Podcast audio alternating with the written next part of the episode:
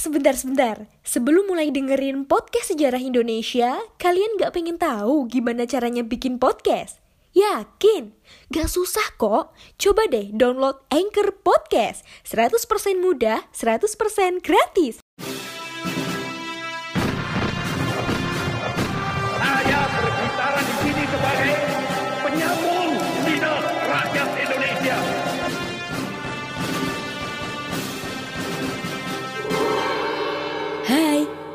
Kalian sedang mendengarkan Poseidon, podcast sejarah Indonesia.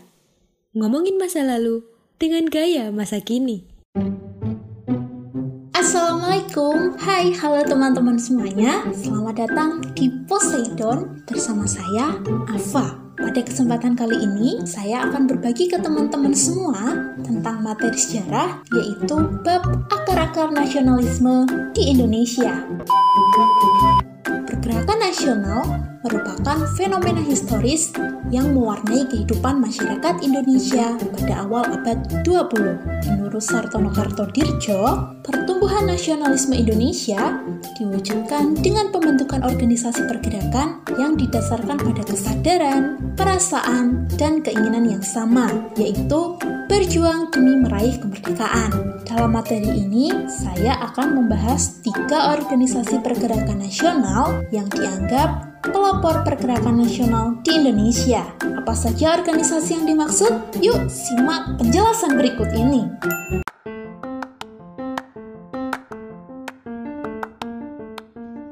Halo Sobat Poseidon, kalian pasti sudah tidak asing lagi dengan Anchor.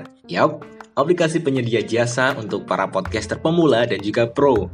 Buat kalian yang pengen mulai nge-podcast, langsung download aja Anchor di App Store ataupun di Play Store. Di sana, kalian bisa nge-podcast dengan banyak banget pilihan background musik. Setelah itu, kalian bisa mempromosikan podcast kalian ke mana pun. Secara otomatis, nanti akan di-sharekan oleh Anchor sendiri. So, tunggu apa lagi? Cus, nge-podcast bareng Anchor.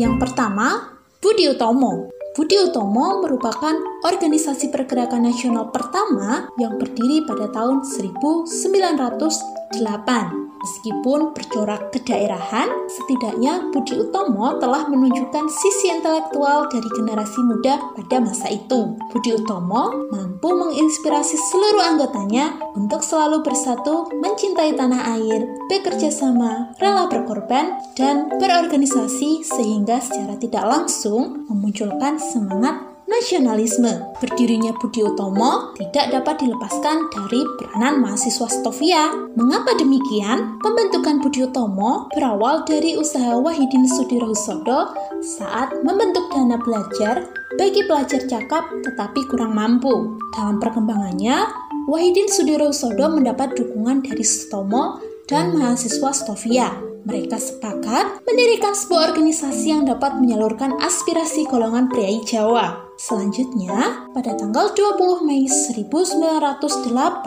mereka membentuk organisasi Budi Utomo. Aktivitas Budi Utomo berlangsung hingga proklamasi kemerdekaan Indonesia. Budi Utomo merupakan faktor utama penyebab terjadinya perubahan politik hingga berlangsungnya proses integrasi nasional. Oleh karena itu, hingga saat ini, tanggal berdirinya Budi Utomo diperingati sebagai Hari Kebangkitan Nasional.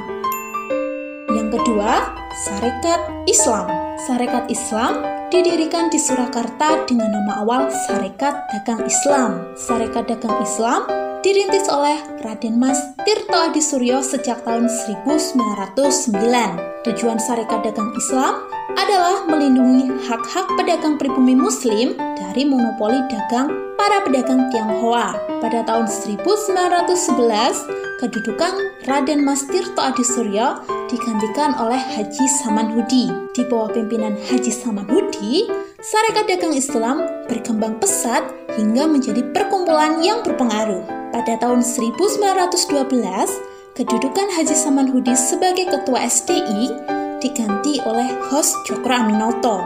Ia selanjutnya mengubah nama organisasi menjadi Sarekat Islam. Tujuan penggantian nama ini adalah memperluas pengaruh politik organisasi sehingga organisasi tidak hanya terbatas pada kaum pedagang. Selama memimpin Sarekat Islam, Cokro Aminoto berusaha memperkuat perekonomian pedagang agar pribumi mampu bersaing dengan para pedagang asing. Usaha tersebut tampak dari berdirinya beberapa koperasi di kota-kota besar di Jawa seperti Surakarta, Yogyakarta, dan Surabaya. Corak demokrasi yang dianut Sarekat Islam menyebabkan ajaran Marxis dengan mudah berkembang dalam tubuh Sarekat Islam. Salah satu cabang Sarekat Islam yang menganut ajaran Marxis adalah SI Semarang di bawah pimpinan Darsono dan Semaun. Setelah kongres pada tahun 1921, Sarekat Islam terpecah menjadi dua kubu. Yang pertama, Sarekat Islam yang berasaskan kebangsaan dan keagamaan atau SI Putih. Yang kedua, Sarekat Islam yang berasaskan komunis atau SI Merah.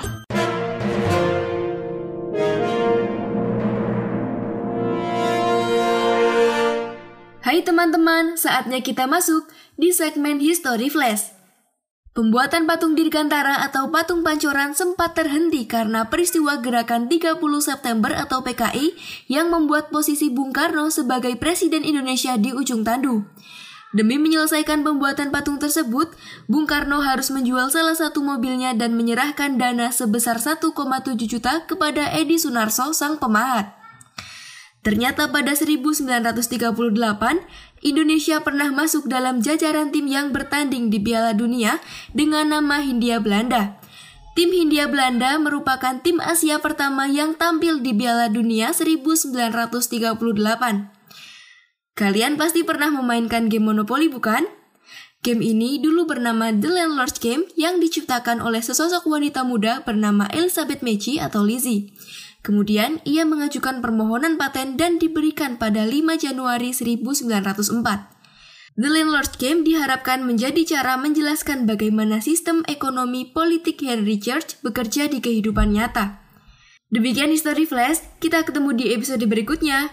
Jangan lupa untuk selalu mematuhi protokol kesehatan, memakai masker, mencuci tangan, dan menjaga jarak ketika harus beraktivitas. Saya Aulia pamit.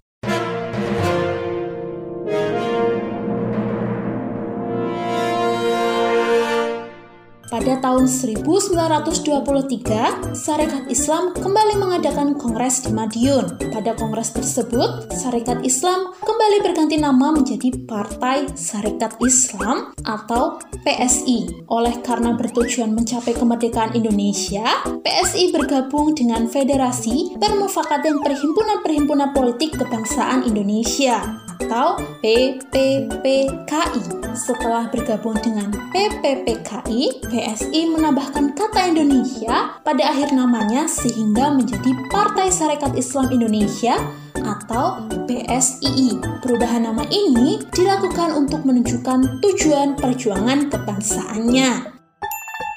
Yang ketiga, Indis Partage. Indis Partage merupakan organisasi pergerakan nasional pertama yang bergerak di bidang politik. Organisasi ini didirikan pada tanggal 25 Desember tahun 1912 oleh Ernest Francis Eugene Dawes Dekker. Ia kemudian mengajak tokoh nasional Indonesia yaitu Suardi Suryaningrat atau Ki Hajar Dewantara dan Dr. Cipto Mangunkusumo bergabung dalam Indis Partage. Ketiga tokoh Indis Partage ini dikenal dengan sebutan tiga serangkai. Indis Partage memiliki cita-cita penyatuan semua golongan yang ada di Indonesia, baik golongan pribumi, Indo-Belanda, Tionghoa, maupun Arab. Mereka dipadukan dalam kesatuan bangsa dengan semangat nasionalisme Indonesia. Persatuan ini dianggap cukup penting karena jumlah golongan pribumi yang berpartisipasi dalam pergerakan nasional masih terbatas. Menurut Dawes Dekker, usaha kalangan pribumi untuk mencapai tujuan pergerakan nasional tidak maksimal